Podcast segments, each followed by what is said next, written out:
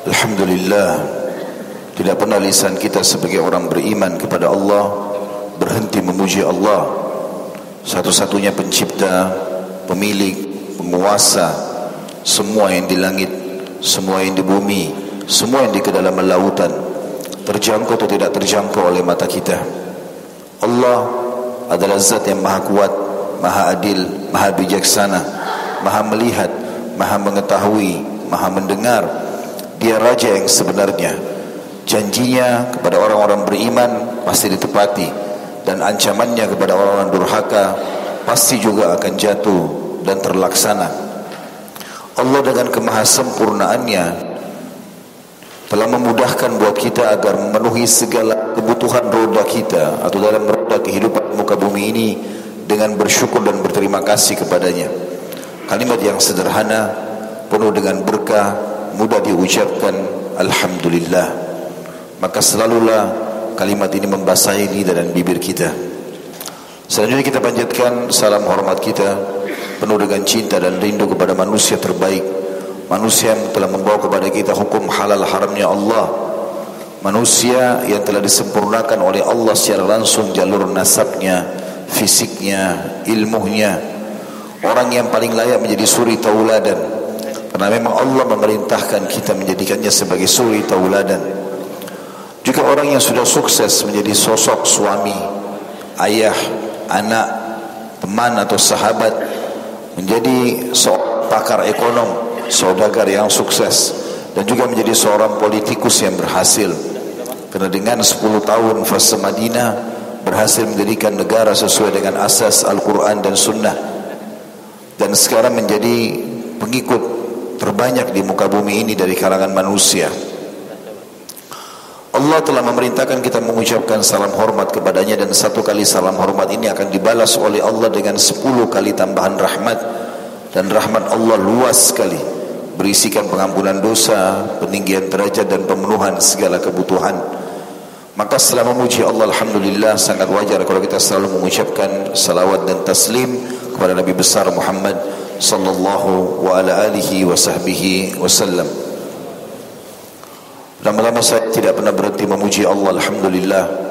Raja yang sebenarnya yang telah memberikan kita kesempatan, kesehatan, kekuatan Dan puncaknya adalah keimanan.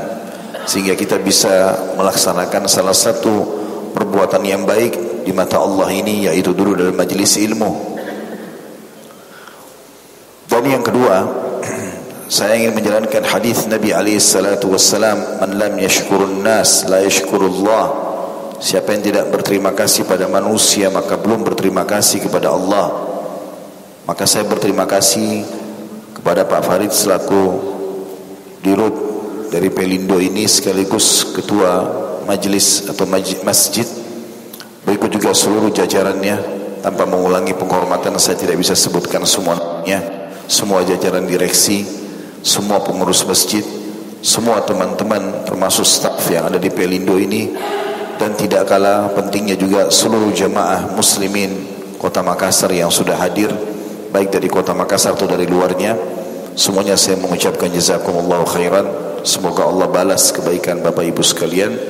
Sudah menjadi penyebab terlaksananya acara ini dan juga terlibat hadir dalam majlis ini Mudah-mudahan Allah subhanahu wa ta'ala menjadikan ini semua sebagai tambahan amal Bapak Ibu di akhirat nanti. Juga saya mengajak diri saya sebelum memulai tema kita Pribadi saya mendahului itu dan saya mengajak Bapak Ibu sekalian Dalam majlis ilmu dibutuhkan keikhlasan. Tidak usah lihat siapa yang menyampaikan tapi apa yang disampaikan. Kalau disampaikan Kalau Allah Allah telah berfirman Kalau Rasulullah sallallahu alaihi wasallam Rasulullah SAW telah bersabda terima dari siapa pun itu selama yang disampaikan yang benar. Karena kalau kita hanya sekedar mencari fisik orang yang menyampaikan, maka kita tidak akan mau dengar kalau orang itu memiliki kekurangan fisik. Tapi Islam datang membawa kebenaran. Perlu perlu terucapkan dari lisan siapa pun tetap dia benar. Karena Islam itu selalu benar sepanjang masa dan juga waktu dan selalu dibutuhkan. Maka mari kita ikhlaskan niat dengan tujuan insyaAllah mengejar keutamaan majlis ilmu sebagaimana disebutkan oleh Nabi alaihi salatu wasallam dalam banyak hadisnya. Tidak ada kaum yang berkumpul di rumah dari rumah-rumah Allah mereka mempelajari ayat-ayat Allah kecuali akan turun malaikat bersama mereka yang membawa rahmat dari langit. Di dalam hadis yang lain kata Nabi alaihi salatu wassalam semua penuntut ilmu akan dilindungi oleh sayap-sayap malaikat karena mereka ridho dengan perbuatannya. Di dalam hadis yang dihasankan juga oleh para ulama hadis kata Nabi alaihi wassalam siapa yang keluar ikhlas menuntut ilmu maka dia akan mendapatkan pahala haji yang lengkap. Di dalam hadis yang lain juga kata Nabi alaihi wassalam, siapa yang keluar menuntut ilmu maka dia seperti berjihad di jalan Allah sampai dia kembali. Dan sekian banyak keutamaan daripada majlis ilmu. Maka kita ikhlaskan niat kita untuk itu. Semoga saja insya Allah apa yang kita pelajari akan menjadi manfaat buat kita dan juga akan menjadi tambahan amal pada hari kiamat. Saudaraku seiman, pada kesempatan ini kita akan bahas bekerja adalah bagian dari agamaku. Islam ini adalah agama yang sempurna. Bahkan tidak ada agama yang diterima di sisi Allah kecuali Islam. Allah berfirman dalam Al-Quran, kekal ditelawakan oleh orang beriman dalam surah Al-Imran, di dua ayatnya sekaligus A'udzu billahi minasyaitonir rajim Inna dina 'indallahi al-Islam. Agama yang diterima di sisi Allah hanya al-Islam. Di dalam ayat yang lain wa may yabtaghi ghairal islami dinan fala yuqbala min wa huwa fil akhirati minal khasirin. Siapa yang coba-coba memilih selain Islam sebagai agamanya tidak akan diterima darinya. Dan juga dia di akhirat termasuk orang-orang yang rugi. Islam ini bisa dirasakan kemuliaannya. Islam tidak akan pernah berubah sepanjang masa. Kadang-kadang ada pelaku-pelaku kekeliruan dan kesalahan yang menisbatkan diri pada Islam padahal sebenarnya itu bukan ajaran dari Islam sehingga bisa mencoreng Islam sendiri. Padahal Islam tidak akan pernah berubah. Dan Allah mengakalkan dalam surah Al-Maidah kalau agama ini sudah sempurna enggak butuh tambahan enggak butuh dikurangi.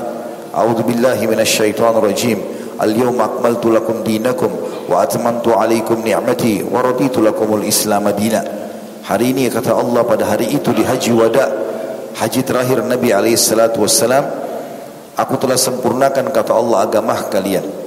Dan aku juga sudah ridho agama sebagai kalian ya. Dan aku telah sempurnakan aku telah sempurnakan agama Islam untuk kalian nikmatku pada kalian artinya kalian tidak butuh lagi agama yang lain dan aku ridho dan makna agama adalah panduan hidup kita teman-teman sekalian tidak bisa menerima sebagian dan menolak sebagian kalau anda bukan itu maka anda tidak akan merasakan kesempurnaan Islam Karena Allah mengatakan dalam ayat lain, "A'udzubillahi minasyaitonir rajim, ya ayyuhalladzina amanu dkhulu fis silmi kaffa wa la tattabi'u syaitan." Al-ayah, hai orang beriman, masuklah kalian ke dalam Islam itu secara keseluruhan dan jangan ikuti langkah-langkah syaitan. Kata sebagian ulama tafsir, salah satu langkah syaitan adalah membuat seorang muslim memilah-milah agamanya. Mana yang dia suka dia ambil, mana yang dia tidak suka dia tidak ambil. Ini tidak mungkin. Tidak akan sempurna iman kita sampai kita menerima semuanya.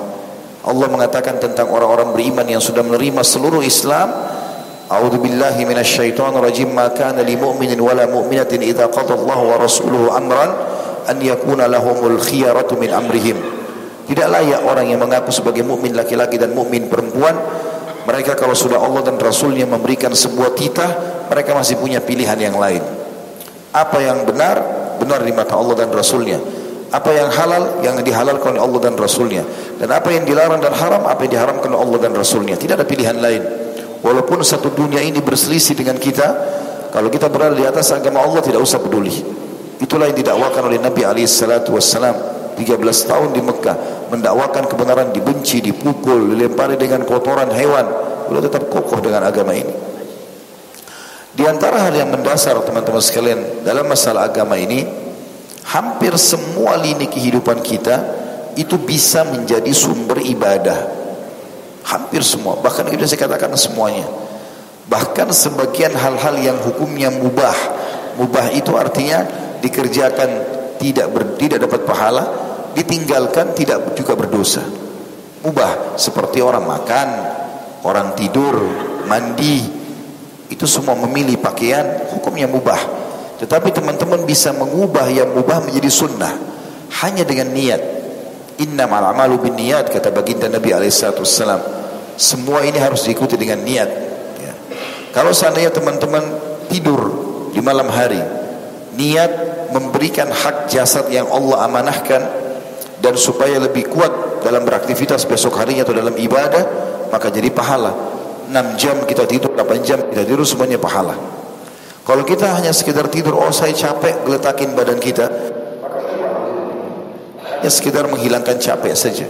Keliru kalau hanya seperti itu. Sayang sekali. Itu juga dengan makan dan minum. Allah subhanahu wa ta'ala memberikan kita sinyal capek supaya tidur memberikan hak badan lapar supaya kita makan haus tubuhmu sedang butuh air minum ya. Maka ini semua kalau kita niatkan oh saya lagi lapar bukan hanya menghilangkan lapar tapi bagaimana saya merawat jasad yang Allah amanahkan ini maka saya memberikan haknya. Bagaimana saya minum air bukan hanya menghilangkan haus tapi karena merawat amat semua ada nilai pahalanya. Orang beriman harus cerdas dalam masalah seperti ini. Imam Nawawi rahimahullah menamakan ini dengan judul Al-Iqtisadu fil Ibadah. Bagaimana orang bisa ekonomis dalam ibadah. Ya, bagaimana kita bisa mendapatkan pahala yang banyak dengan amal yang semuanya orang bisa lakukan. itu banyak sekali yang bisa kita dapatkan. Banyak sekali yang bisa kita dapatkan.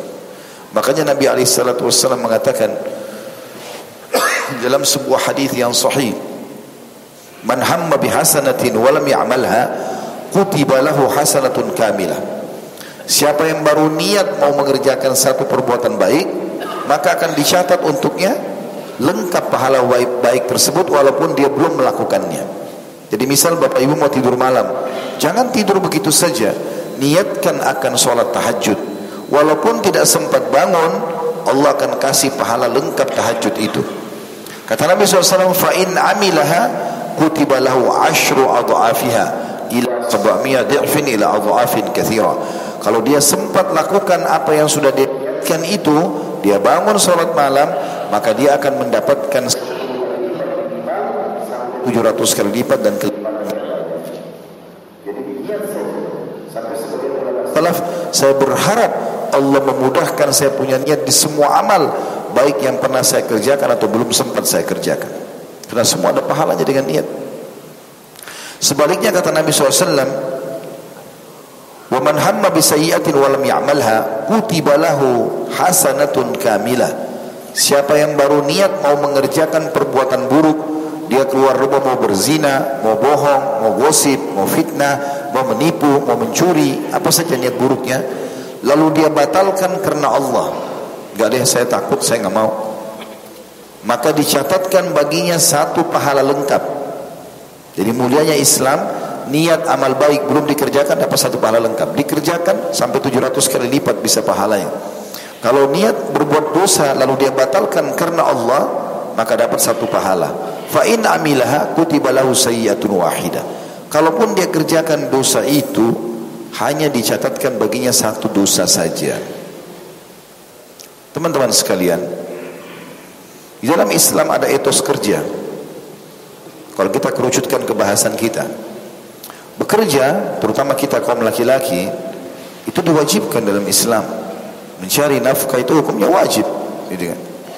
Bahkan di dalam hukum Islam, orang tua kita, kalau kita ini bagi anak laki-laki, hanya wajib dinafkahi sampai balik saja. Setelah balik hukumnya sunnah. Kalau anak perempuan wajib orang tuanya nafkahi sampai dia menikah. Selama dia belum nikah dibiayai oleh orang tuanya. Kalau sudah nikah suaminya yang biayai. Saking pentingnya laki-laki untuk bekerja. Kita akan dengarkan pada hari ini terlalu banyak motivasi dalam syariat kita baik dari Al-Quran, baik dari sunnah Nabi SAW, baik dari perkataan para sahabat, perilaku dari para dan statement para tabi'in, orang-orang saleh sebelum kita kaum salafus tentang etos kerja. Bagaimana mereka memotivasi ya para sahabat dan para tabi'in juga para nabi-nabi memotivasi agar semua manusia orang yang beriman kepada Allah bergerak dan Islam tidak mengenal sifat malas, sifat putus asa, di kamus anda ini, di benak anda, kalau ada kamus kata-kata, saya tidak bisa, saya terlambat, putus asa, dendaman, hapus detik ini di masjid ini. Tidak ada dalam kamus kita. Islam tidak ada kata-kata putus asa. Dalam sebuah hadis yang sahih riwayat Bukhari, baginda Nabi SAW bersabda, kalau di tangan seseorang di antara kalian, hai muslim, di tangan seseorang di antara kalian ada bibit pohon dan dia tahu besok kiamat tetap dia tancapkan. Besok kiamat tetap tancapin. Tidak ada kata putus asa.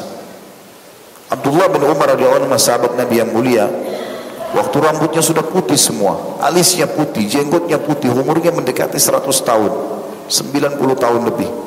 Sudah sangat tua. Beliau pernah memegang bibit pohon kurma. Perlu kita tahu teman-teman sekalian bibit pohon kurma ini mirip dengan bibit pohon kelapa. Lama sekali baru berbuah gitu kan? Umurnya pun panjang bisa sampai puluhan atau ratusan tahun. Beliau pegang lalu beliau mau tanam. Murid-muridnya sempat lihat lalu berkata wahai Ibnu Umar apa yang anda lakukan kata beliau saya mau tanam pohon kurma ini. Kata mereka dengan terus terang berkata karena ingin tahu jawabannya mungkin ada jawaban ilmiah. Bukankah anda sudah berumur seperti ini? Kapan anda akan menikmati pohon kurma itu? Maka jawaban seorang mukmin yang tahu tentang pemahaman agamanya dia mengatakan radhiyallahu anhuma Abdullah bin Umar beliau mengatakan kalau tidak sempat aku nikmati maka akan dinikmati oleh orang setelahnya dan akan menjadi amal atau ajang pahala buat aku.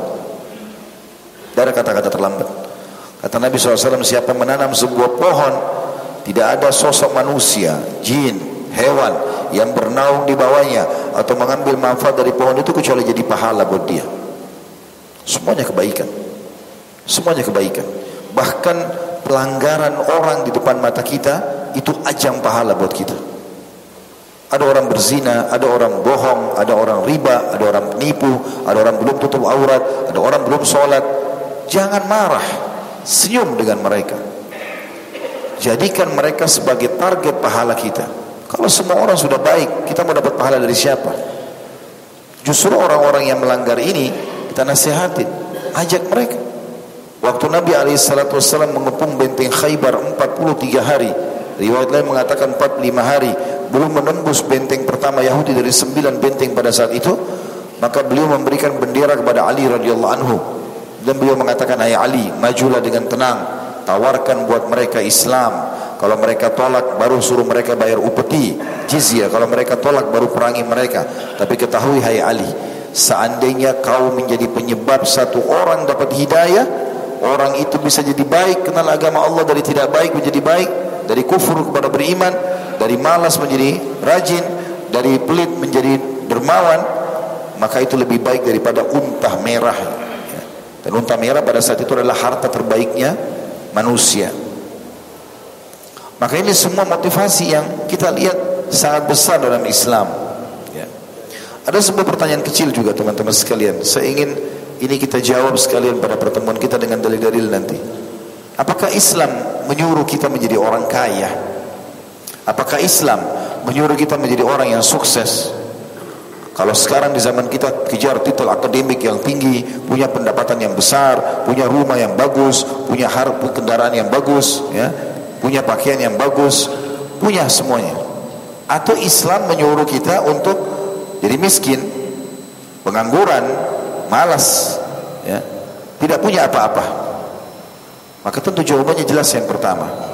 Islam bahkan menyuruh kita berlindung dari sifat malas. Nabi alaihissalatu wassalam menjadikan salah satu doa beliau adalah beliau minta agar dijauhkan dari kemiskinan, sifat malas.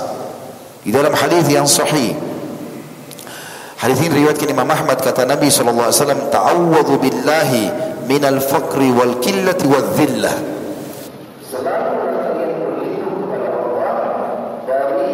sifat kefakiran dan dan tiga ini subhanallah seperti bersaudara berada di orang-orang yang malas. Mereka pasti akan miskin karena cuma tahu minta sama orang. Mereka juga pasti akan kekurangan karena tidak punya simpanan, tidak punya penghasilan dan mereka pasti terhina karena kalaupun minta dikasih tetap terhina.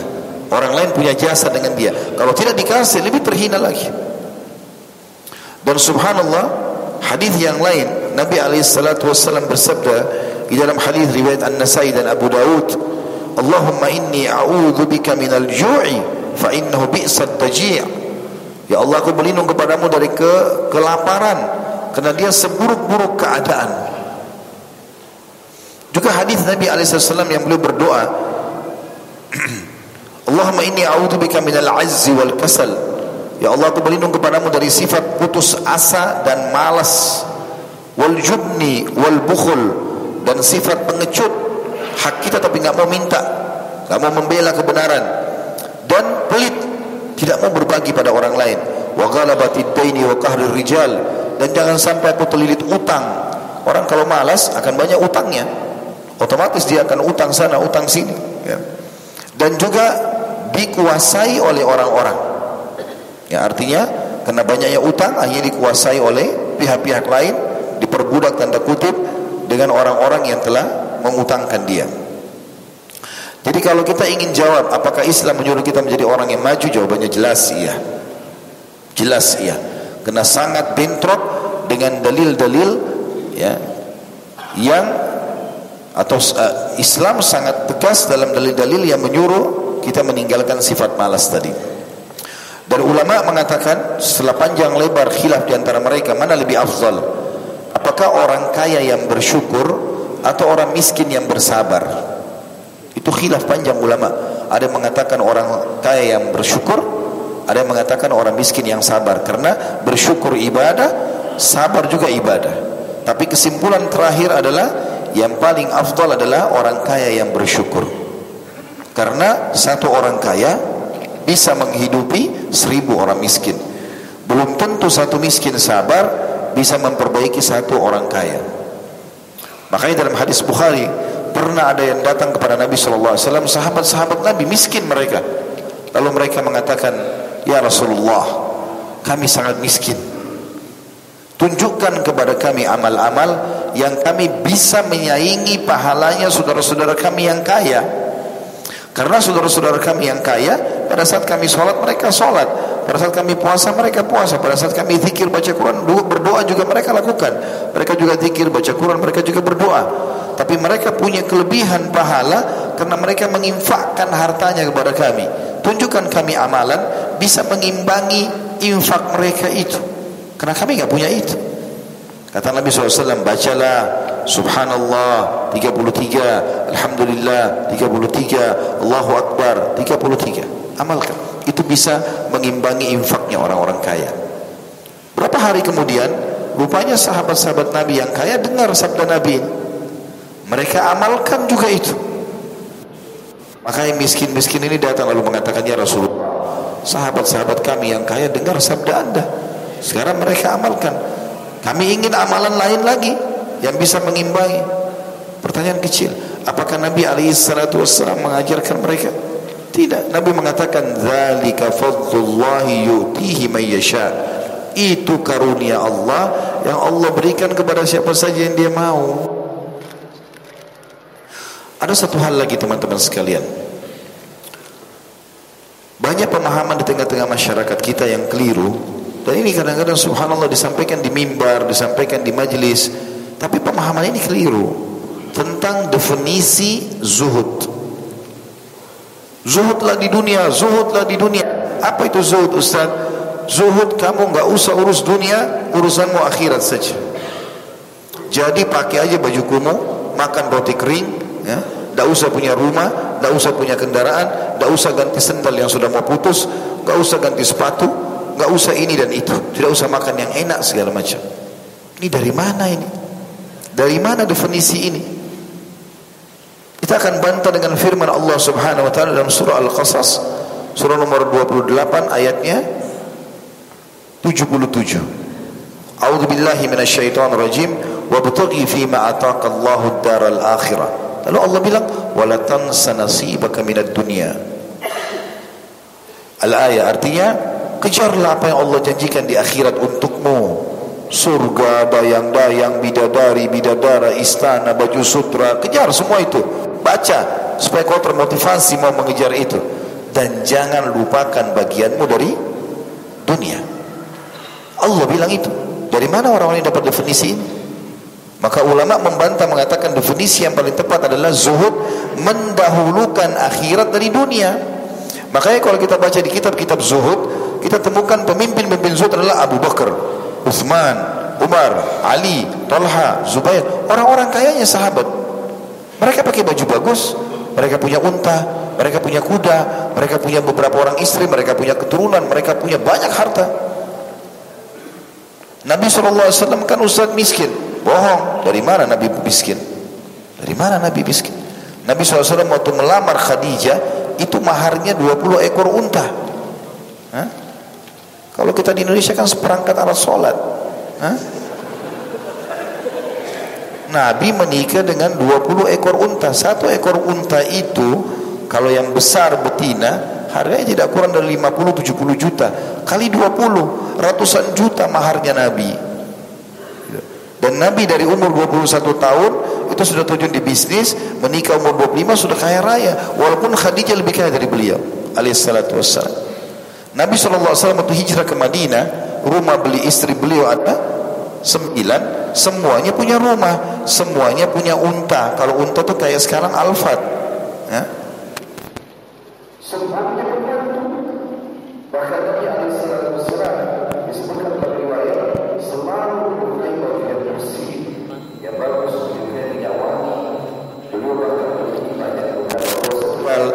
memiliki beberapa punya pedang beberapa pedang beberapa perisai Beliau namakan masing-masing dikasih nama. Unta ini namanya ini, perisai ini dikasih nama oleh Nabi Shallallahu Alaihi Wasallam. Nabi pernah kelaparan? Iya, semua manusia lapar. Kita juga lapar tiap hari kan? Jangan tuh dijadikan patokan berarti Nabi miskin. Enggak, keliru itu. Maka ini perlu digarisbawahi. Nabi SAW pernah minta dihidupkan seperti kehidupan orang miskin, dimatikan seperti itu. Artinya tidak tamak dengan dunia. Tapi beliau mampu. Disebutkan dalam hadis Nabi SAW kalau kita baca dalam bab makanan, Nabi paling suka makan paha kambing. Bahkan Umar bin Khattab mengatakan saya pernah masuk rumah Nabi SAW, beliau lagi pegang tulang kambing sambil makan pahanya. Tidak pernah ada riwayat makan roti kering, gitu kan. Maka ini pemahaman tentang masalah zuhud ini harusnya difahami baik-baik. Nabi Alaihissalam itu dibantu oleh banyak sahabat. Ada Anas bin Malik radhiyallahu anhu ini tugasnya khusus untuk belanja belanjain Nabi ke pasar. Kebutuhannya apa belanja? Ada Abdullah bin Mas'ud khusus siapin siwak dan sendalnya Nabi. Ada kir-kir khusus pergi berperang. Ya. Banyak pembantu Nabi SAW. Orang yang berkhidmah. Ada Zaid bin Haritha dan anaknya Usama bin Zaid. Dua-duanya ini menjadi pembantu Nabi SAW memenuhi kebutuhan Nabi Nabi ke mana ditemani selalu sampai dikenal dengan Ibn Nabi SAW kekasih Nabi jadi Nabi SAW menggunakan orang-orang di sekitarnya tapi memang dalam Islam kita boleh menikmati tapi tidak boleh mubazir mubazir artinya berlebih-lebihan jadi kalau di rumah kita butuh mobil istri dan anak juga butuh mobil lalu kita beli mobil lagi satu kebutuhan mereka. Gak ada sesuatu yang mubazir di situ. Selama anda mampu silahkan gitu kan. Tapi yang mubazir itu kalau beli 10 mobil nggak dipakai hanya dijadikan koleksi. Lebih bagus koleksi masjid kan? Hah? daripada taruh mobil 10 di rumah 20 di koleksi untuk apa? Harganya mahal. Bangun masjid lebih bagus gitu kan. Tapi selama kebutuhan silakan Nabi SAW suka sekali pakaian dari kain katun Yaman dari itu kain yang bagus dia beliau punya baju warna merah warna hitam warna hijau warna putih ada Bahkan Nabi SAW dalam hadis Bukhari dikatakan pernah dikasih oleh seorang wanita mantel sangat bagus. Jahitannya bagus, kayaknya bagus sampai orang semua di masjid kagumi. Nabi sudah tampan pakai baju bersih dan bagus. Begitu masuk masjid orang semua kagum. Melihat beliau pakai alaihissalam. Kabu bin Malik berkata radhiyallahu anhu saya pernah melihat bulan purnama di hadapan Nabi alaihissalam di depan rumah Nabi sallallahu alaihi wasallam. Kayak sekarang ini kita bulan purnama karena ayamul bid terang bulannya kuning kelihatan kalau malam. Saya kagum lihat bulan tersebut ciptaan Allah. Kemudian tiba-tiba pintu rumah Nabi terbuka, Nabi keluar, menyisir rambutnya habis mandi ke belakang, pakai baju jubah warna merah. Maka saya, saya melihat Nabi, saya temukan Nabi lebih indah dari bulan itu. Nabi SAW suka wangi-wangian, suka kebersihan. Hadis Nabi SAW, Inna Allah jamilun yuhibbul jamal. Allah itu indah, suka dengan keindahan. Itu maknanya luas sekali. Allah itu indah, rapi, bersih, suka dengan semua itu. Jangan teman-teman ada orang muslim tapi tidak faham konsep ini sehingga akhirnya masjidnya kotor, rumahnya kotor, pakaiannya kotor. Kita mendekat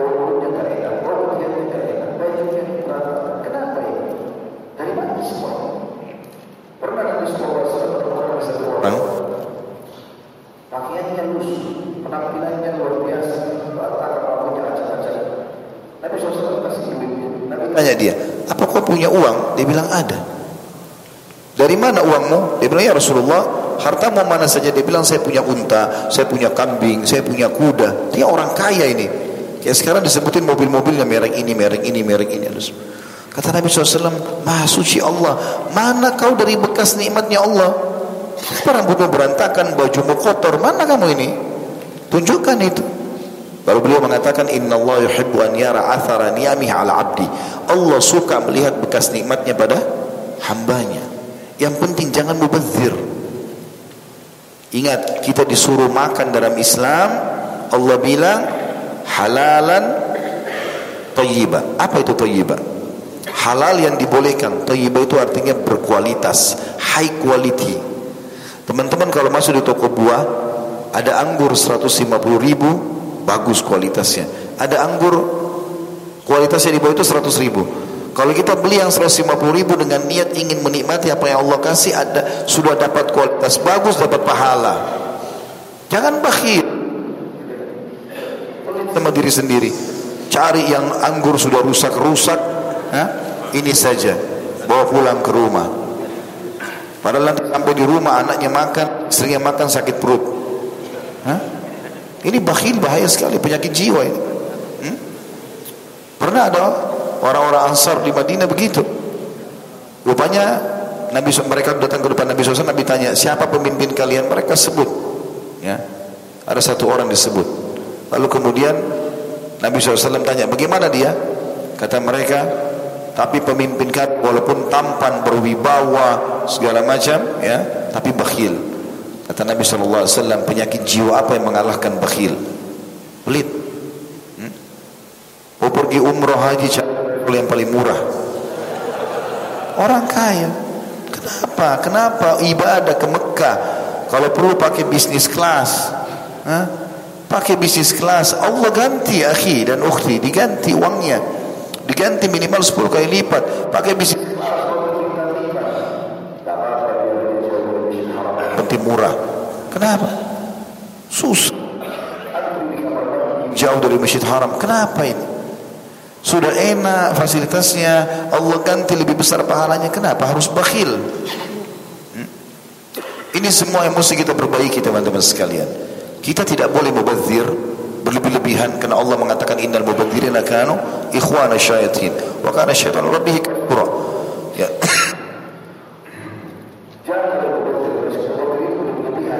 Sampai dibuang. Sudah mau rubuh karena bajunya banyak sekali. Air. Beli-beli itu adalah saudara syaitan. Dan syaitan kufur kepada Tuhannya. Tapi kalau kita nikmati tidak ada masalah. Ya. kita akan masuk teman-teman sekalian. Beberapa dalil-dalil syar'i yang sangat jelas bagaimana Allah Subhanahu wa taala membolehkan kita untuk menikmati yang baik-baik ini dan Allah menyuruh orang beriman untuk itu. Bagian daripada perintah agama. Dengarkan dalil yang pertama yang saya sampaikan adalah surah Al-A'raf ayat 32 A'udzu billahi minasyaitonir rajim itu tadi tentu mukaddimahnya ya pembukaannya. Kita sekarang masuk lebih dalam tentang dalil-dalilnya.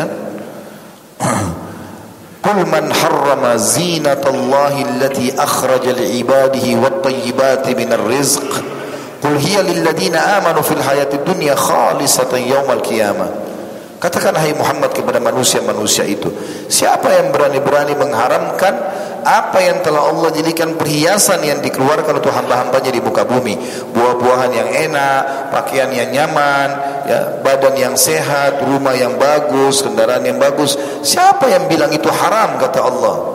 Perhatikan Bapak ini dalam surah Al-Araf ayat 32. Katakan hai Muhammad, siapa yang mengharamkan seluruh perhiasan yang telah Allah keluarkan buat hamba-hambanya. Dan tayyibati minar rizq. Rezeki yang bagus-bagus. Silahkan cari pasangan yang terbaik ya. Punya keturunan yang terbaik punya badan yang terbaik kulit yang terbaik rambut yang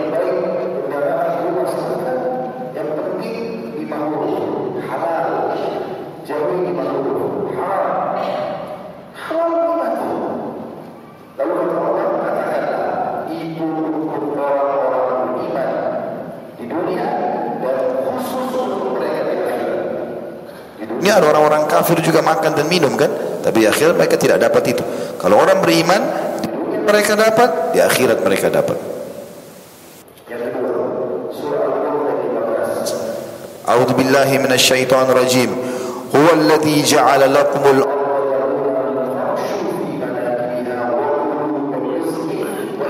nusyur.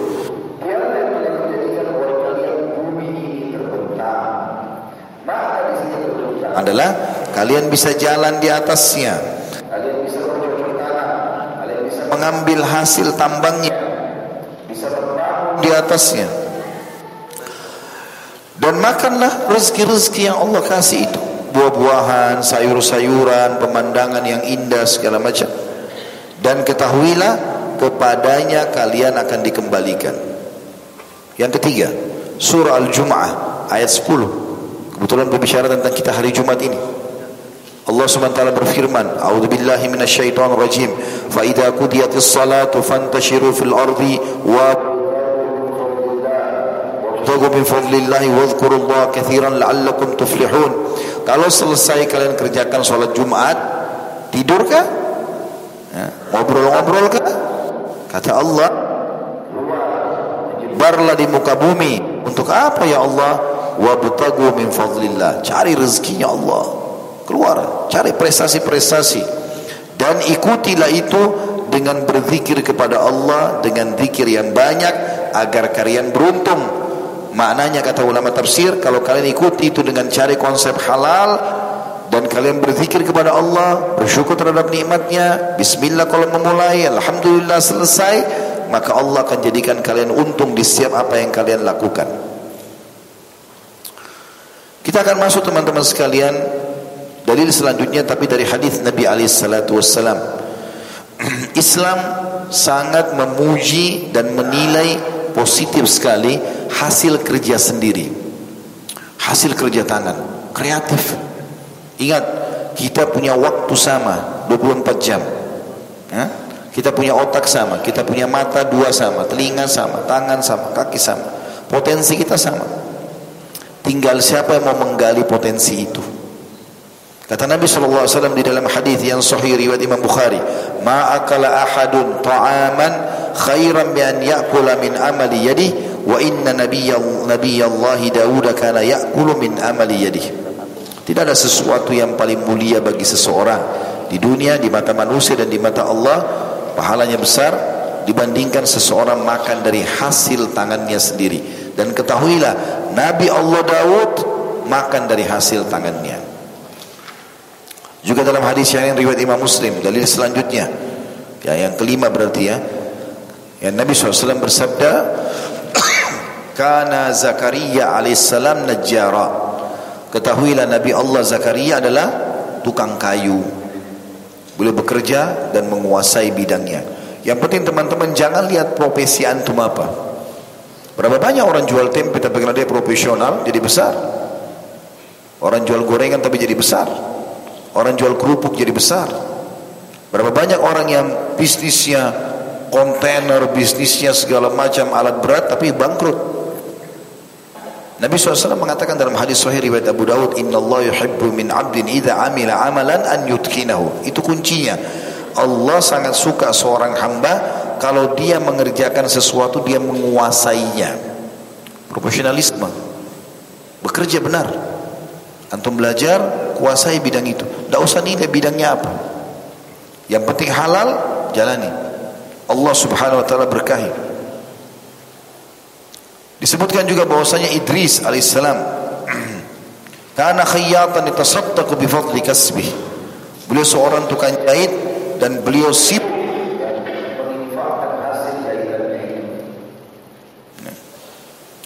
Juga dikatakan Nabi wasallam Nabi Muhammad SAW beliau transaksi jual beli. Beliau bahkan baju perangnya. Bahkan beliau bermuamalah dengan banyak sekali jenis-jenis muamalah ekonomi ya. Dan beliau berkata kepada sahabatnya dalam hadis Bukhari di dalil yang selanjutnya yang keenam li an ahadukum abhula thumma ya'ti al-jabal thumma ya'ti al-jabal thumma ya'ti bi hizmati min hatab fayabi'uha fayastaghni bi thamaniha khairun lak ala nas u'tuhu aw mana'uhu ketahuilah seseorang di antara kalian mengambil potongan-potongan tali kemudian dia pergi ke puncak gunung yang tinggi, lalu dia kumpulkan ranting-ranting kering, kayu bakar, lalu dia pikul di pundaknya dan dia bayar, apa dia jual di pasar sehingga dia bisa hidup dari penjualan itu, jauh lebih baik baginya dibandingkan dia mengemis pada orang, dikasih atau tidak dikasih. semua umumnya berdagang. Ya, bahkan di masa hidupnya Nabi SAW dan juga setelah meninggalnya Nabi SAW dikatakan oleh seorang ulama tabi'in masyhur Sa'id bin Musayyab rahimahullah beliau mengatakan kana ashabu Rasulillah sallallahu alaihi wasallam yatjaruna fi bahrir Rum. Bahwasanya para sahabat Nabi ridwanullahi alaihim mereka berbisnis berdagang sampai ke laut-laut bangsa Romawi. Umar bin Khattab dari selanjutnya memotivasi kita mengatakan ta'allamu mihna kuasailah keterampilan-keterampilan. Keterampilan apa saja kalau mampu luangkan waktu untuk itu. Fa innahu yushiku an yahtaja ahadukum ila mihnati. Karena dia akan bisa mengambil manfaat dari keterampilannya itu. Juga teman-teman sekalian kita dianjurkan untuk fokus pada pekerjaan. Ya. Karena fokus pada pekerjaan ini akan mendatangkan hasil maksimal, tidak bercabang ke mana-mana. Karena kalau terlalu banyak juga dia akan pusing untuk mengaturnya. Tapi kapan dia fokus kepada satu dua bidang misalnya kemudian dia menguasai bidang itu maka itu jauh lebih efektif. Ya, sebagaimana juga alokasi zakat kata sebagian ulama kalau ada lima orang target atau sepuluh orang target kita memberikan zakat, misal kita punya 10 juta zakat, Mana lebih afdol? Kita berikan masing-masing satu juta, satu juta, sepuluh juta berarti selesai. Kita berikan zakat kita. Atau kita melihat dari sepuluh orang ini siapa yang paling butuh. Misal dari sepuluh orang ini, kalau kita kasih satu juta, tidak menyelesaikan permasalahan mereka. Tapi ada dua orang kalau kita kasih lima juta, lima juta, clear masalahnya. Utangnya luas, lunas, bisa jadi modal. Lebih afdol dua orang ini. Daripada terlalu banyak menyebar, akhirnya tidak menyelesaikan permasalahan. Jadi memang harus efektivitas dalam memilih ya target-target waktu-waktu tempat-tempat. Ini semua penting dalam Islam. Itu termasuk kecerdasan seorang muslim. Dikatakan juga bahwasanya Abu Darda radhiyallahu anhu ini dalil setelahnya la nara tahta kidri. Dia selalu memasak sendiri yang dia jual makanan itu dan dia sendiri yang masak itu. Hatta tadma'inah sampai kedua matanya meneteskan air mata untuk mencari rezeki halal. Itu sahabat Nabi yang mulia Abu Darda. Dan taqulul Aisyah radhiyallahu dan dalil selanjutnya Aisyah berkata, "Kana Abu Bakrin radhiyallahu anhu ajjaru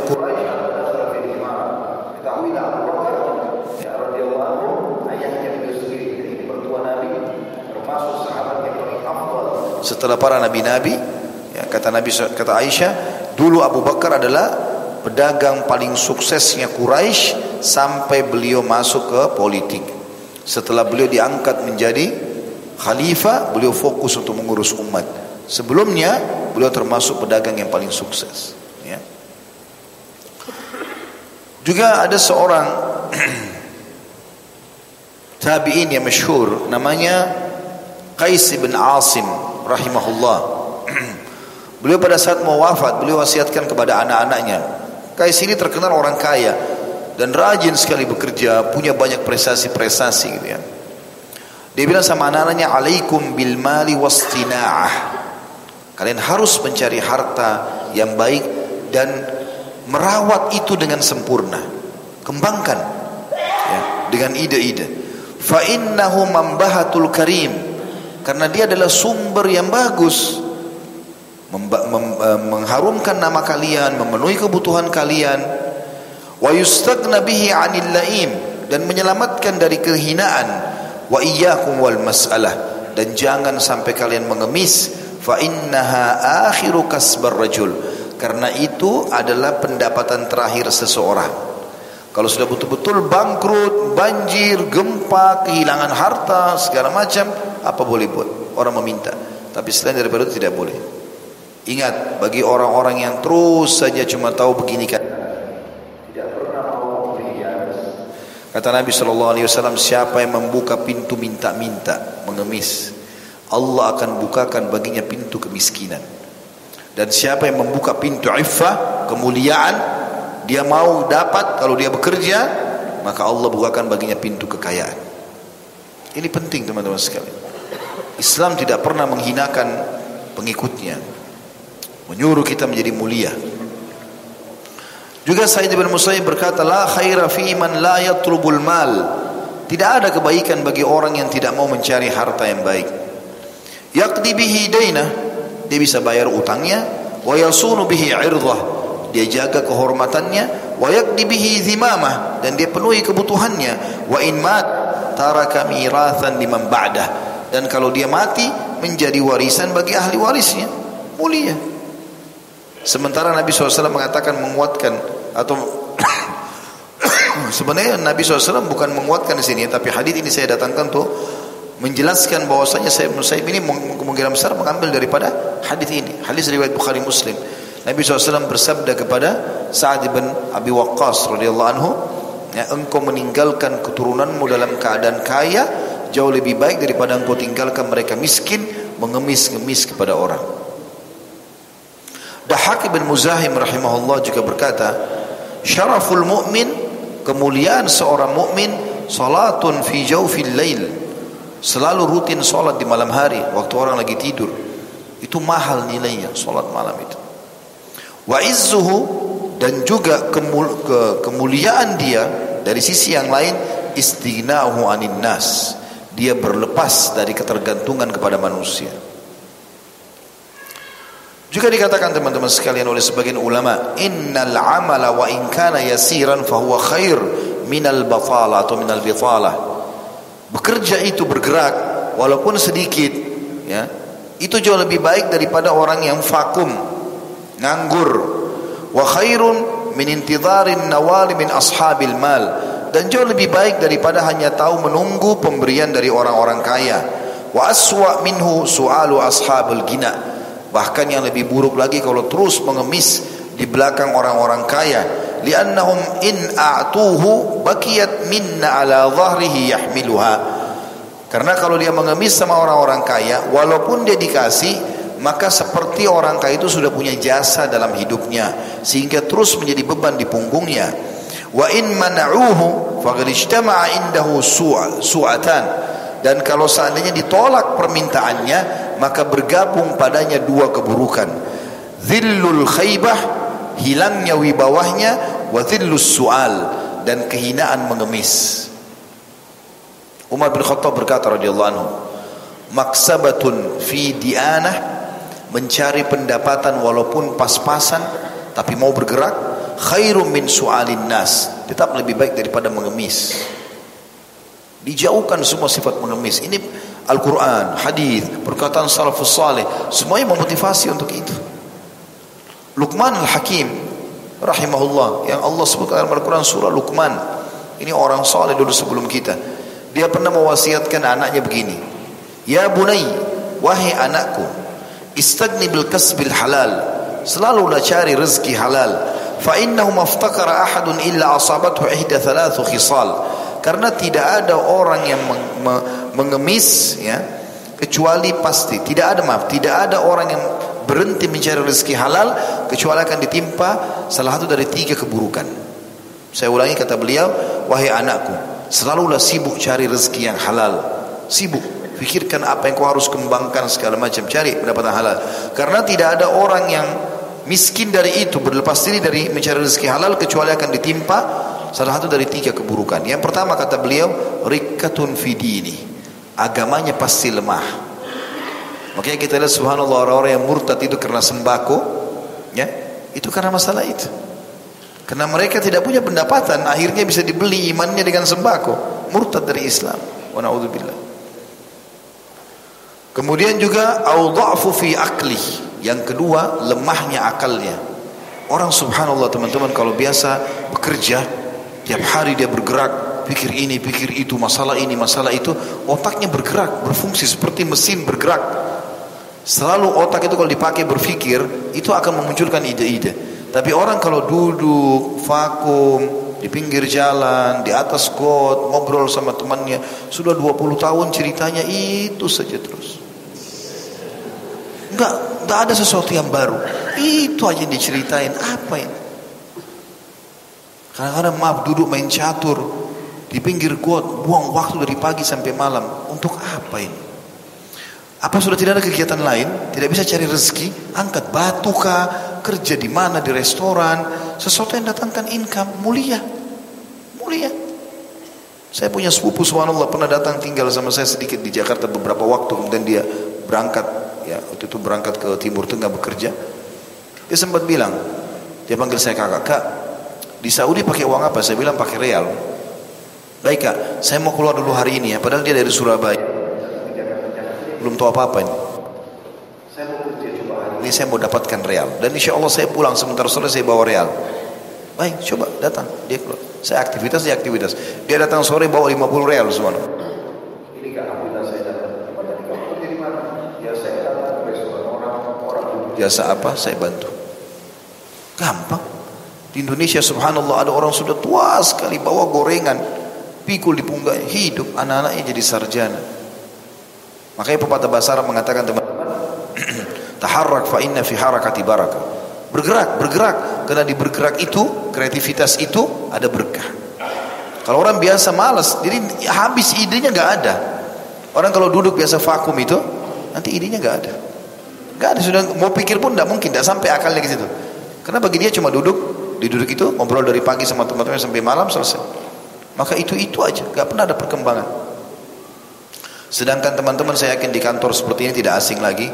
Kita sudah sarjana saja, sudah punya prestasi, masih sering ada upgrade.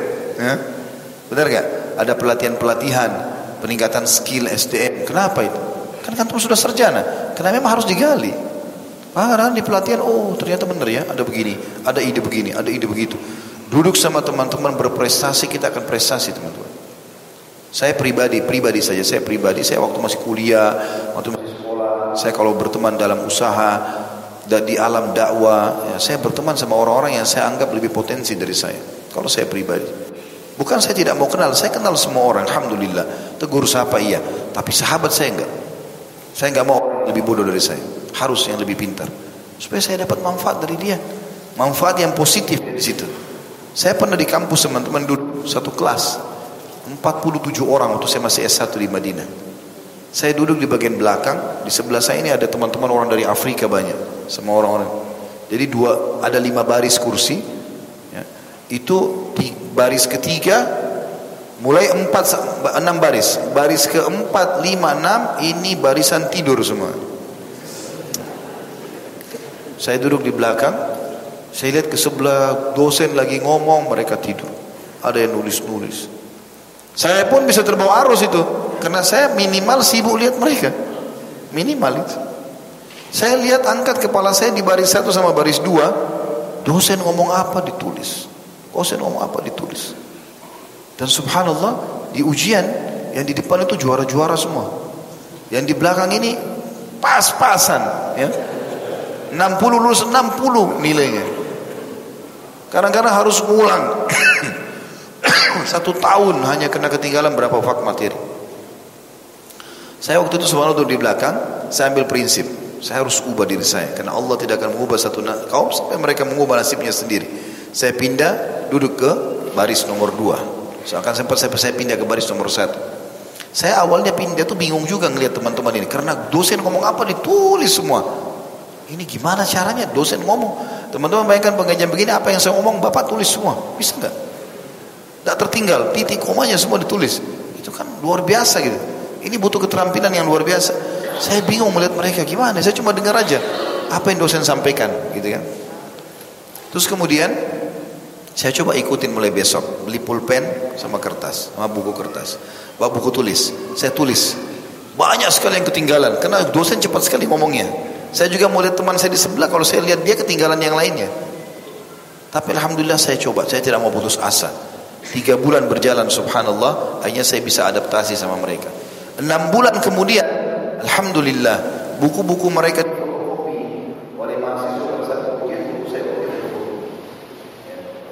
Bahkan saya saya masih ingat sampai hari ini saya masih simpan buku tulis saya itu. Itu buku tulis saya, tulisan yang dosen ucapkan saya pakai pulpen warna hitam, ayatnya saya tulis pakai pulpen warna dalam enam bulan bisa ternyata saya kalau duduk di belakang saya akan tidur dan malas tapi karena saya duduk di depan akhirnya Allah SWT berikan itu. Yang begitu teman-teman. Kita kalau berteman sama orang apalagi kalau orang-orang itu pemalas semua dan kita anggap diri kita misalnya sarjana segala macam kita akan mengatakan ya paling tidak saya paling baik di antara mereka. Hah? ada orang begini tidak bisa maju. Kenapa? Karena bodoh sekali. Ya? Kenapa kau tidak sholat? Saya masih mending Ustaz, saya masih sholat asar. Teman saya nggak sholat sama sekali. Jadi dia jadikan patokan orang yang lebih buruk. Gimana cara? Bagaimana cara yang mau maju? Cari orang yang lima waktu sholat di masjid. Nah itu, itu yang kita kejar gitu Harusnya kita lebih maju seperti itu Ini makna kalimatnya dalam sekali si Luqman rahimahullah. Kata beliau sekali lagi wahai anakku, carilah pendapatan yang halal karena tidak ada orang yang meninggalkan pendapatan halal ini kecuali akan tertimpa satu dari tiga salah satu dari tiga keburukan. Yang pertama lemahnya agamanya, gampang tinggalkan agama karena tidak ada pendapatan. Kalau dia mulia, dia punya harta, dia bangun masjid, susah murtad gitu kan. Kemudian audhafu fi akli, lemahnya akalnya tadi saya bilang, habis idenya awwahau fi muruati atau bahkan bisa tercoreng di kehormatannya ya. orang subhanallah biar tampan biar cantik kalau dia susah orang kadang-kadang melirik setengah mata biasa. Umum. Bukan kita menghina orang-orang miskin tidak. Tapi orang biasa begitu memang ya.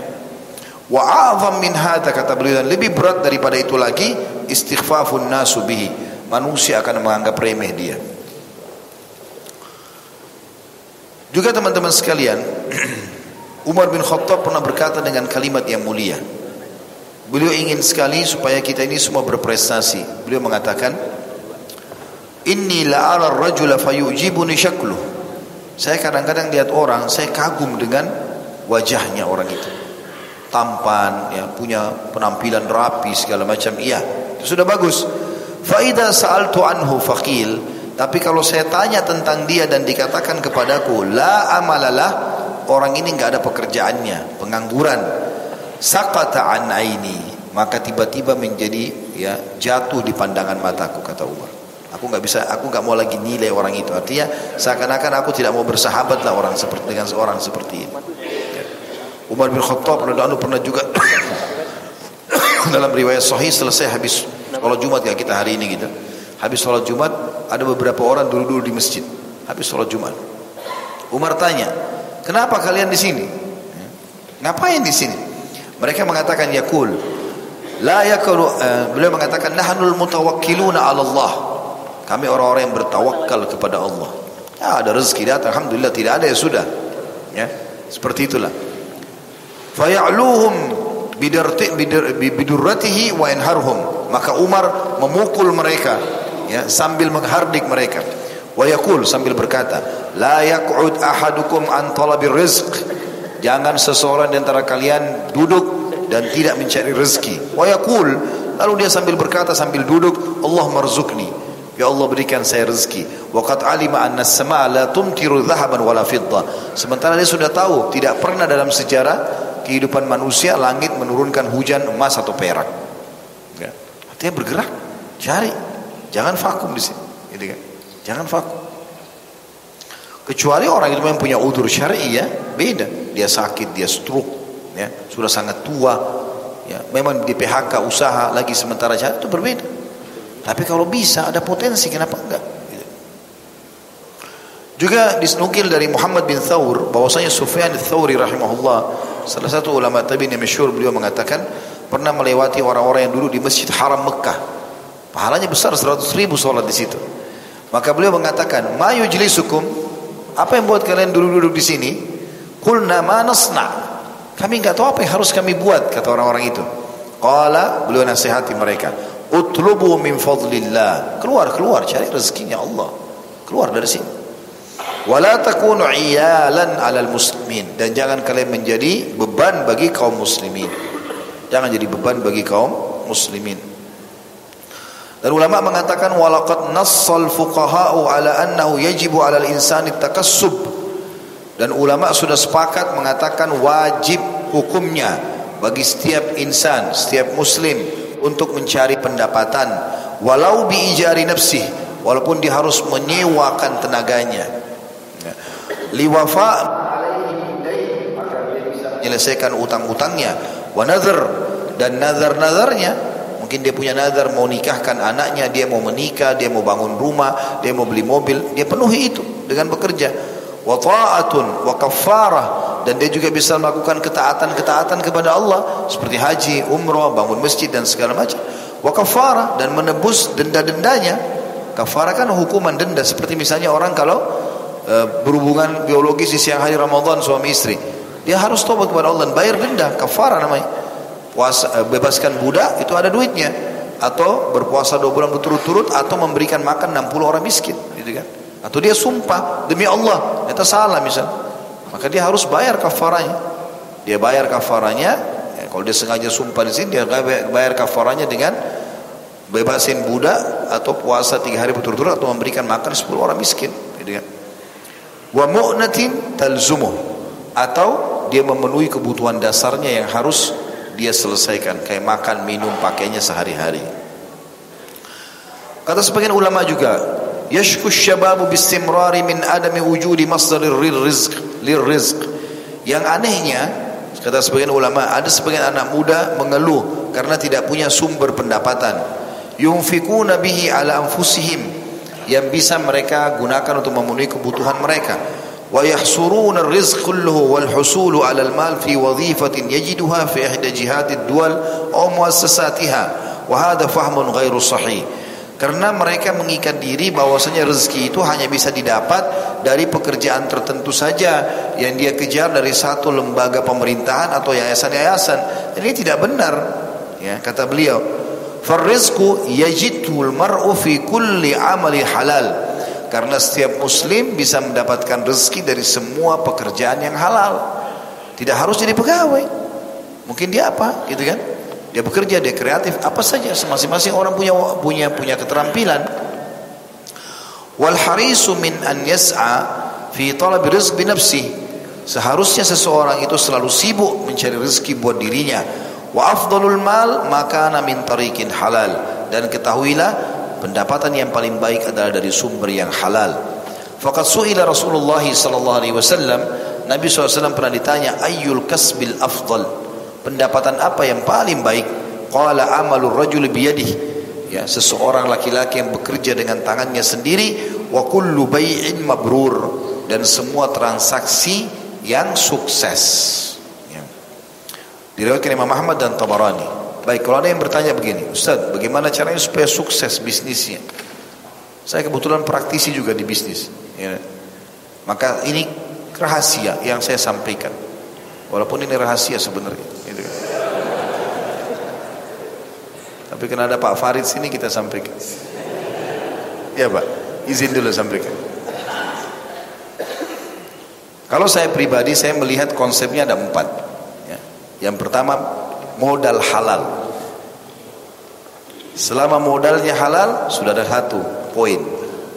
Kapan modalnya sudah haram dari riba, penipuan, mengambil ahli haknya ahli waris, mustahil sudah untung. Bangkrut itu. Ya, pokoknya riba masuk. Ya. Saya tidak sebutkan nama instansi tapi sumber haram jelas. Ya. Yang kedua, sistem yang dipakai halal. Jangan pakai sistem-sistem yang haram seperti sistem riba, sistem gharar. Gharar itu merugikan satu dari dua pihak, ya. Kezaliman, manipulasi. Ya, kata Nabi SAW, "Man ghasyana falaysa minna" sampai menipu kami bukan dari golongan kami, enggak ada manipulasi. Kata Nabi SAW, kalau kau sedang transaksi sama seseorang, maka katakan la khabalah. Tidak ada tidak ada tipu tidak ada tipu muslihat. Orang mau jual apa-apa, saya transaksi ya, tapi tidak ada tipu tidak ada tipu menipu nih. Transaksi. Bahkan kata Nabi SAW, kalau dua orang sedang transaksi, dua-duanya jujur dan transparan, maka Allah berkahi transaksinya. Yang beli produk berkah, berkah artinya akan selalu bagus produk itu bermanfaat buat dia yang menjual juga dapat berkah dari uangnya. Yang paling penting masalah keberkahan. Kalau antum jual motor jual mobil ternyata pernah tabrakan? Ditanya pernah tabrakan? Pernah. Pernah tabrakan? Di bagian depan sebelah kiri. Saya sudah masukkan bengkel silakan cek. Jadi transaksi itu. Oh nggak pernah tabrakan Padahal sudah 20 kali tabrak. Bohong. Orang itu hanya ambil nomor telepon pergi, gak bakal transaksi. Itu sudah umum. Jangan terus menipu diri sendiri ini. Hah? Allah maha melihat, malaikat mencatat. Jangan bodoh-bodohan ini. Hah? Sistem. Yang ketiga, produknya halal. Jangan jual yang haram. Allah haramkan sesuatu jangan disentuh. Selesai. Transaksi zina, transaksi riba, ya. Produk haram, jual babi, jual khamr, gak ada semuanya. Semua gak ada. Jual produk halal. Dan ingat, yang haram jauh lebih sedikit daripada yang halal. Halal itu banyak. Allah haramkan babi, Allah ganti dengan sapi, kambing, ayam, kelinci, kuda, banyak ikan, hewan-hewan air. Kenapa harus babi?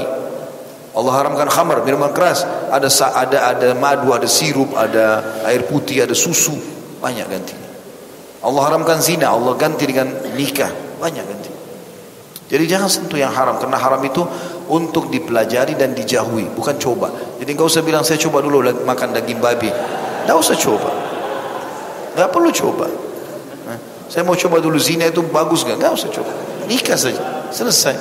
Orang masuk hotel takut-takut, kelihatan orang takut kalau hamil malu kalau nikah hamil bangga tanya hamil ya bu? Iya. Dari suami?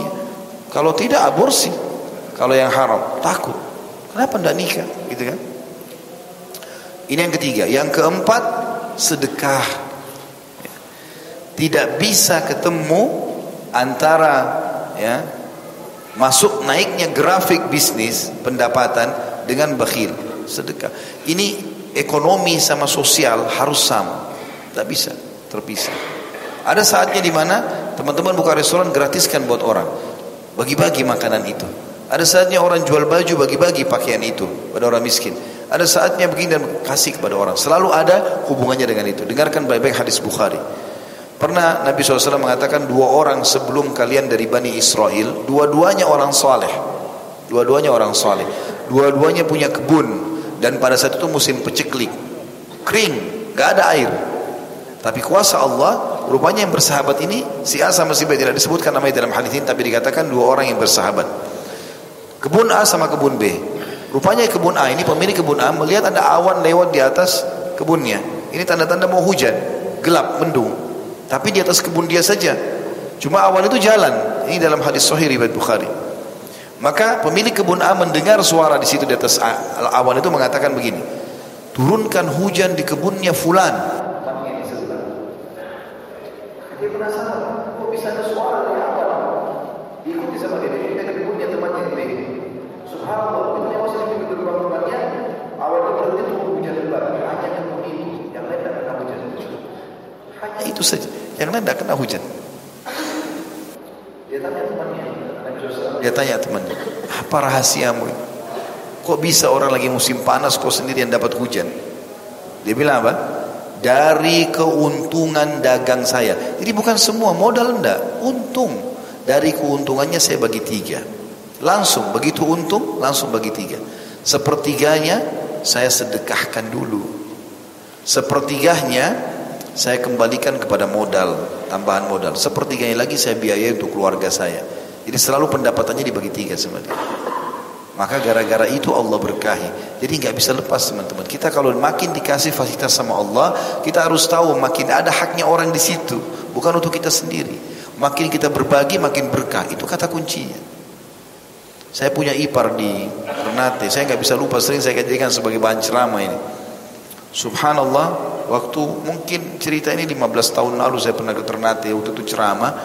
Kemudian pulang habis sholat isya dari masjid, saya duduk di rumah beliau, ngobrol-ngobrol. Jam 12, setengah 12 malam waktu itu. Rumahnya di bagian belakang pakai seng, masih pakai seng. Ribut, ada seperti suara batu jatuh, pang gitu ribut sekali. Saya kaget, dia ketawa. Terus dia bilang, itu mangga Ustaz. Oh mangga ya. Orang Ternate bilang ini mangga madu. Mau coba Ustaz? Boleh. Diambil sama dia dipotong. Memang manis sekali mangga itu Masya Allah. Satu mangga. Orang Jakarta biasa bilang mangga mana lagi. Saya nggak tahu di sini mangga apa. Ya. Maka dipotong sama dia manis. Dalamnya ada titik-titik madu gitu ya. Setelah itu makan saya istirahat. Habis sholat subuh. Saya pulang dari masjid. duduk lagi ngobrol sama dia terus saya tiba-tiba bilang bisa nggak saya lihat pohon mangganya dia bilang ya silakan saya masuk rumahnya tidak terlalu besar kecil saya masuk ke belakang ya dia pohon mangga itu kalau tidak salah ya perkiraan saya sekitar 3 meter saja tingginya nggak tinggi 5 meter lah mungkin ya. Sekitar 5 meter. Tidak sampai 5 meter. Tingginya itu subhanallah buahnya banyak sekali. Saking banyaknya buahnya itu sampai mau kena ke papin bloknya itu. Banyak. Tapi setengah pohon itu di dalam ada sebagian tangkinya di luar temboknya dia. Saya bilang Masya Allah buahnya banyak sekali. Dia bilang iya. Dia ucapkan bahasa Mungkin dia tidak bermaksud apa-apa Tapi saya bisa tangkap. Ini secara teori syari Penyebabnya itu Dia bilang Ustaz ini Alhamdulillah sepanjang tahun tidak pernah berhenti berbuah Terus langsung dia bilang Dan saya tidak pernah larang orang ambil mangga ini Jadi yang sudah keluar di luar temboknya itu Orang lewat, anak-anak sekolah lewat Mungkin ada pedagang ambil Silakan Yang di luar tidak apa-apa dalam rumah diambil sama dia sama keluarga. Itu pun kalau ada yang datang minta dikasih. Oh, saya bilang pantas panjang tahun berbuah. Antum baru satu sudah pakai plastik. Hah?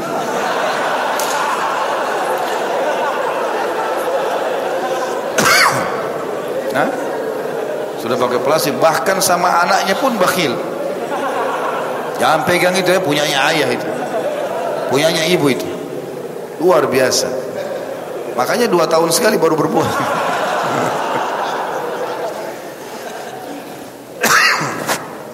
Jadi empat itu kata kuncinya sebenarnya. Bagaimana modalnya halal, sistemnya halal, produk halal, sedekah. Itu penting. Ya. Abu Hanifah rahimahullah pernah subhanallah dia beli 10 lembar kain sutra 8 laku atau 9 laku Besoknya ada satu ibu datang mengatakan, wahai imam, imam ini kayak kita kiai, ustaz. Wahai imam, saya hari ini nggak ada yang jual sama saya. Saya mau beli dari anda, bisa nggak? Uang saya cuma sekian. Nggak, ini uangnya dia modalnya saja kain sutra tidak bisa dapat gitu. Maka kata Imam Abu Awin Hanifah, ambil lah, ini ada sisanya satu, beli saja, ambil. Cukup cukup, diambil sama dia. Ibu itu dengan gembira ngambil dibungkus sama dia. Terus dia bilang, Wahai imam, saya mau tanya. Ini sudah anda jual kepada saya jazakallah khair. Tapi saya mau tanya. Saya keliling pasar, gak ada yang jual sama saya ini.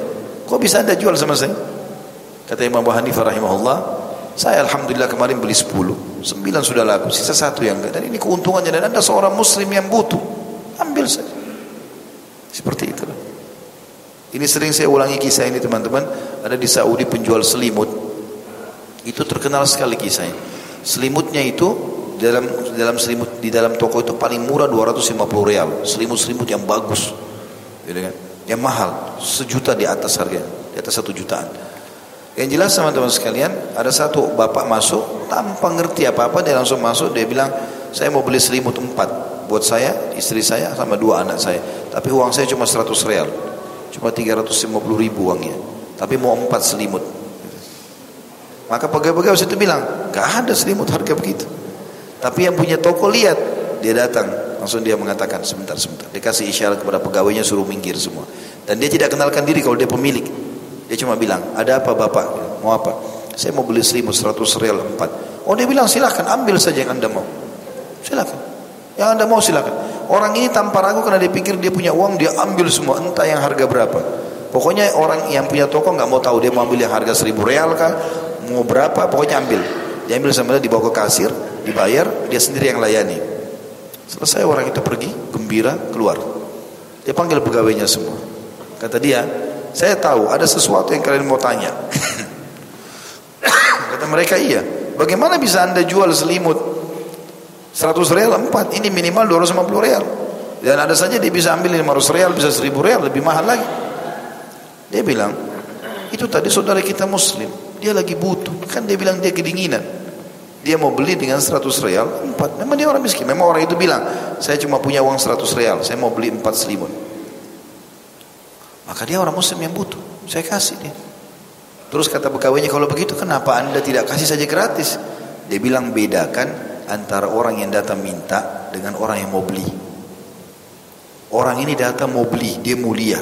Biarkan dia pulang dalam kondisi dia bangga dengan dirinya. Kalau dia datang mengemis, kita kasih.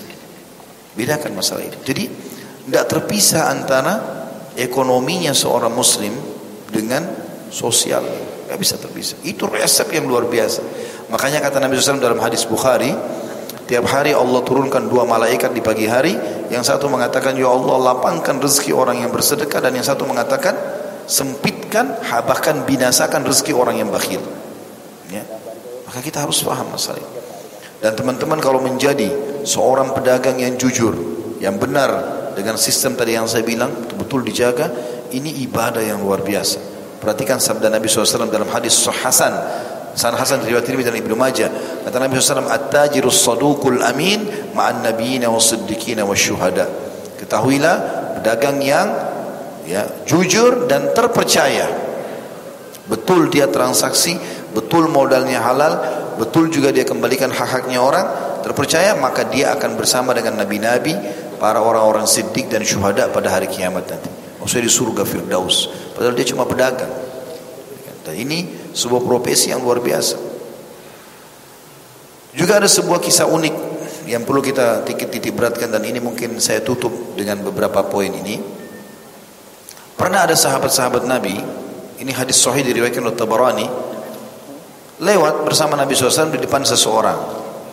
Dikatakan anna rajulan marra ala Nabi SAW fara'a sahabatu min jildihi wa nasyatihi fil amal. Jadi ada laki-laki lewat di hadapan Nabi dan para sahabat ini kelihatannya dari caranya dia bergerak, dia semangat tapi badannya kotor, kayak capek gitu orang kerja keras. Ya. Faqalu maka para sahabat berkata kepada Nabi SAW, Ya Rasulullah, lau kana hadha fi andai saja ini orang seperti ini yang sampai keringatan kotor bajunya bisa dihitung pahalanya seperti jihad di jalan Allah. Itu luar biasa. Maka Nabi SAW jawab, faqala Rasulullah SAW, in kana kharaja yas'a ala waladihi sigaran fahuwa fi sabilillah. Ketahuilah, andai saja orang ini keluar untuk mencari makanan rezeki buat anaknya yang kecil, maka dia sama dengan di jalan Allah. Jadi kalau dia cari belikan susu, belikan apalah segala macam anak-anak, itu sudah cukup untuk di jalan Allah.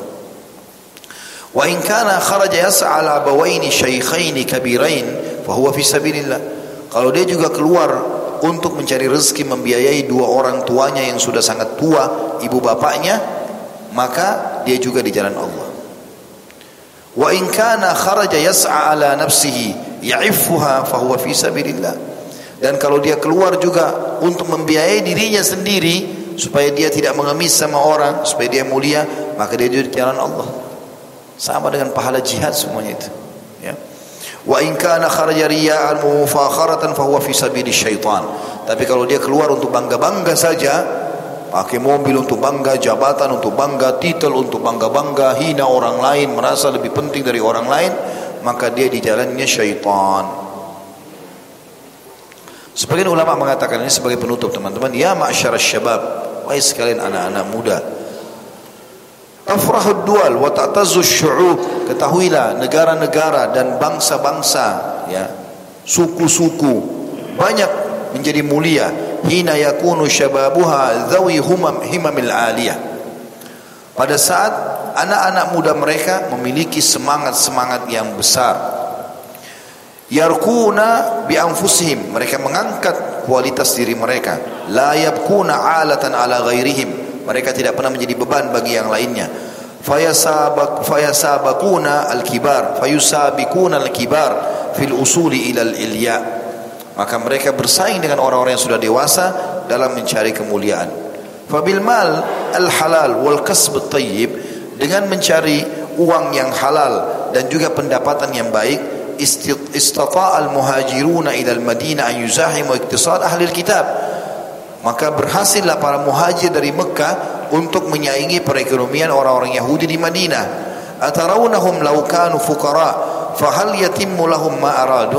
Apakah kalian melihat pada saat mereka miskin mereka bisa menjalankan apa yang mereka inginkan? Anda tanya. Itu tidak bisa. Inna min akhtar ma yuwajihu ad-duwal hina taqumu ad-dawla ala sya'bin ittasafa bid-da'ati wal kasal. Sesungguhnya yang paling berbahaya yang dihadapi oleh negara, setiap negara, kekuasaan ya, adalah pada saat masyarakatnya terkenal dengan sifat malas. Fal buldan la takumu illa bi afradiha wa abnaiha. Karena negara-negara tidak akan bisa maju kecuali dengan individu-individu masyarakat yang ada di situ. Fa kaifa tanhaddu bilad qad usiba ahluha bil azzi wal batala. Maka bagaimana bisa negara maju sementara penduduknya terkena penyakit putus asa dan malas awit tikal ala ghairihim atau bergantung pada selain mereka. Innal bitala syarrun khatir. Sesungguhnya vakum, pengangguran adalah bahaya yang sangat mengancam. Wadaun fattak dan penyakit yang sangat membius, mematikan. Asra ma yubsilu tuma'ninatul hayat yang paling cepat merusak ketentraman hidup. Wa ajal ma yunaqqisul aish dan yang paling cepat menghancurkan prestasi-prestasi kehidupan. Al-bitala babun ila tasawul. Malas-malas itu akan membuka pintu mengemis. Wa tariqun ila sarika maka terbukalah pintu-pintu pencurian. Wa madkhal ila al-gushi wal khida'i wal makar. Dan akhirnya masuk ke dalam pintu penipuan ya e, manipulasi dan juga mengatur tipu muslihat. Al-Islam dinu izza wa karamah Islam adalah agama yang mulia dan juga agama yang mengangkat kemuliaan. Wa rif'atun wa sumu. Dan selalu mendukung perkembangan majuan. Yahussu 'ala al-amal salih wan nafi' Islam menyuruh kita berbuat kebaikan amal-amal yang baik dan juga bermanfaat. Wa ya'mur bil quwwati wal isti'dadi lil kurubati wan nawazil. Dan selalu memerintahkan kita punya kekuatan dalam menghadapi cobaan-cobaan dan goncangan-goncangan. Innat mal mata majtama'a ma'ad din kana dinu qawiyan wa zahira. Ketahuilah kata para ulama bila harta itu bersatu dengan agama ya, kedudukan dengan agama, harta dengan agama gitu kan maka agama itu akan menjadi kuat dan terlihat. Ta'tazzu bihi dual dan akan menjadi kemuliaan bagi sebuah negara. Kama yatazzu bihi din sebagaimana agama juga akan mulia di tempat itu qala syair seorang penyair berkata ma ajmalud dini wad dunya idza ijtama'a. Betapa indahnya kalau dunia dan kalau agama dan dunia ini bisa bersatu. Fa alaikum bil amali wal bahthu 'anil rizq. Oleh karena itu kata ulama bergeraklah kalian dan carilah rezeki-rezeki. Wa iyyakum wal khumul wat takasul. Dan hati-hati dari sifat vakum dan juga malas. Walittikalu ala ghairikum fi khususiyati hayatikum dan bergantung pada orang terutama kebutuhan-kebutuhan dasar kalian inna kibar rijalil mal la yablughu ma balaguhu fi yaumin wa lailah ketahuilah semua ya, para eh, pedagang-pedagang uh, yang sukses ya bisnismen yang berhasil tidak mendapatkan apa yang mereka inginkan dalam sehari semalam. Faqad kanu fi syababihim yabhathuna 'anil amal. Mereka juga pada saat awal mudahnya dulu pertama mencari pekerjaan, lakin kanat lahum himam 'aliyah. Tapi mereka punya semangat yang besar. Awsalathum ila ma tarawun. Maka itu membawa mereka kepada apa yang kalian lihat itu.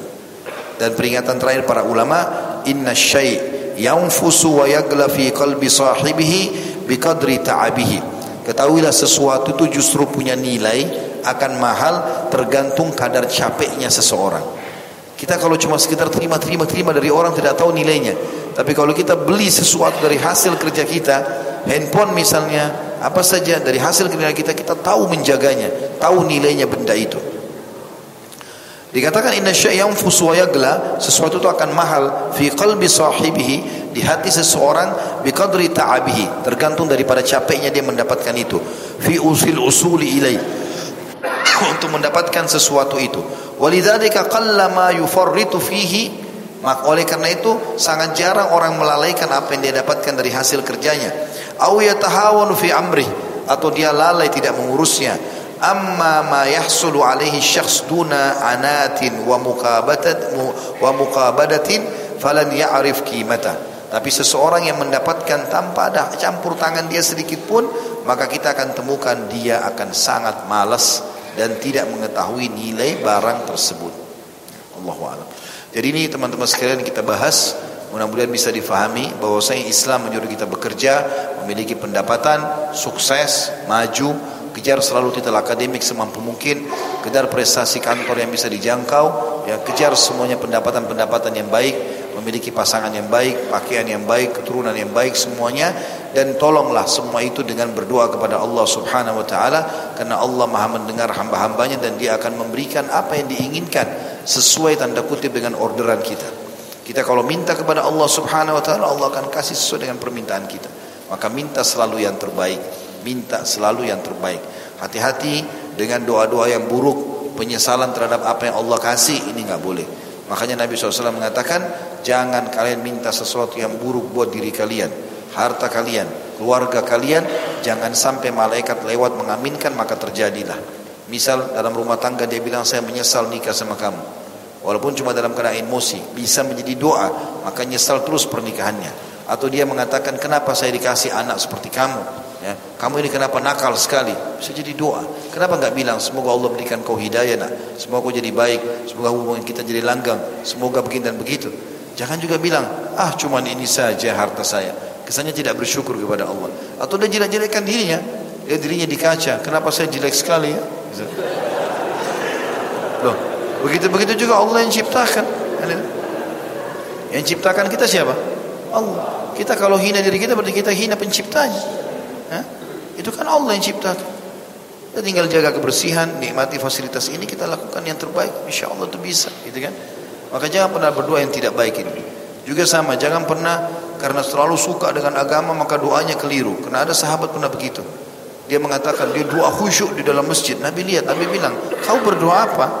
Dia bilang, ya Rasulullah saya berdoa ya Allah. Semua hukuman yang kau siapkan untuk aku di akhirat majukan di dunia supaya di akhirat maksudnya tidak dapat siksa lagi kata Nabi SAW subhanallah kau tidak akan mampu menampungnya kalau kau tak seperti tanda kutip tantang Allah ya Allah semua siksamu majukan saja kau tidak akan mampu kata Nabi SAW maha suci Allah kau tidak akan mampu kenapa kau tidak bilang Rabbana atina fid dunia hasanah Ya Allah berikan kami semua kebaikan di dunia. Wa fil akhirati hasanah dan semua kebaikan di akhirat. Wa qina adzabannar. Selamatkan kami dari api neraka.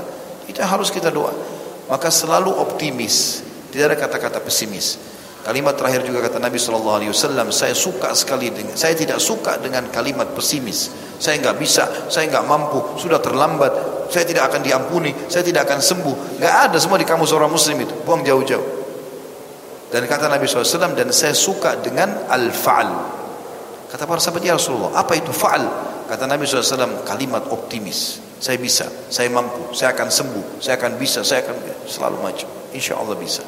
Bismillah. Jelas ya? Alhamdulillah. Allah jadi saksi kita sudah sampaikan. Tinggal bagaimana diamalkan saja. Baik, mungkin sampai sini saya dulu teman-teman sekalian. Ya, insya Allah mudah-mudahan ini sudah mewakili. Dan saya mengajak teman-teman kembali lagi kepada medsos kami. Silahkan kunjungi di Khalid Basalama Official. Dan cukup banyak alamat-alamat ada di IG ada di Facebook, ada di YouTube, bisa didatangi yang resmi insya Allah. Dan besok kita masih ada acara di Triple C, acara seharian. Jadi ada acara insya Allah di pagi hari saya akan membahas tentang keajaiban haji dan umrah. Kemudian juga ada acara insya Allah di siang hari diisi oleh teman saya Ustaz Wildan, Hafizahullah. Beliau akan mengisi uh, tentang masalah uh, sembuh dengan bekam. Kemudian akan ada insya Allah materi juga di malam hari. Uh, ini motivasi untuk para bujang-bujang supaya cepat menikah ya. Uh, menyempurnakan setengah agamamu itu juga akan kita bahas insyaallah di selepas maghrib nanti. Jadi seharian ada acara di Triple C di sana juga akan ada banyak uh, dibuka konter-konter. Mungkin teman-teman bisa berbaur dengan buku-buku agama. Dengan apa saja ya, travel dan seterusnya itu bisa berbaur sama teman-teman di sana insyaallah mungkin begitu saja dan saya sekali lagi bersyukur kepada Allah SWT atas majelis ini. Semoga ini diikhlaskan dan dijadikan sebagai tambahan amal. Dan Allah menjadikan saya orang pelaksana, pertama melaksanakan bukan cuma mengucapkan. Dan juga jazakumullah khairan kepada seluruh jajaran yang telah menjadi penyebab majelis ini. Semoga Allah Subhanahu wa taala memberkahinya. Dan juga semoga seluruh amal yang pernah kita kerjakan yang sedang kita kerjakan yang akan kita kerjakan sampai menjelang ajal nanti diterima dengan pahala yang sempurna. Dan semoga seluruh dosa yang pernah kita kerjakan sengaja tidak sengaja kecil ataupun besar samar ataupun nyata semuanya diganti oleh Allah dengan kemahamurannya menjadi pahala. Pernah lupa kita doakan Indonesia kita menjadi negara yang aman, tentram, damai, seluruh umat Islam di bawah naungan ukhuwah Islamiyah dan dalam hal ibadah mereka lunasi semua utang-utang negara ini. Allah urus dari seluruh penjulunya dan Allah karuniakan kita pemimpin muslim yang jujur, yang adil, yang memimpin negara ini dengan baik dan memakmurkan masyarakat dan semoga Indonesia menjadi contoh bagi negara-negara yang lain. Dan selalu kita doakan saudara kita di Palestina, di Syria, di Yaman, di Irak, di Myanmar, di Ahsa, di Cina, dan mungkin sekarang di New Zealand yang sedang diuji oleh Allah Subhanahu wa taala semoga Allah ikhlaskan niat mereka terima para syuhada mereka mulakan Islam di tangan mereka dan kita semua dan semoga Allah ikut sertakan kita bersama mereka di pahala baik dengan doa dengan harta juga dengan jiwa kita. Dan semoga Allah dengan kemahamurahnya saya yakin sedang melihat kita karena dia maha melihat mendengar kita karena dia maha mendengar dan mengetahui apa pun gerak geri dan niat kita karena dia maha mengetahui agar menyatukan kita semua di surga firdausnya tanpa hisab. Mana disatukan dalam majlis ilmu yang mulia ini ada benar pasti dari Allah kalau salah dari saya mohon dimaafkan subhanakallahumma bihamdika asyhadu an la ilaha illa anta astaghfiruka wa atubu ilaik wassalamualaikum warahmatullahi wabarakatuh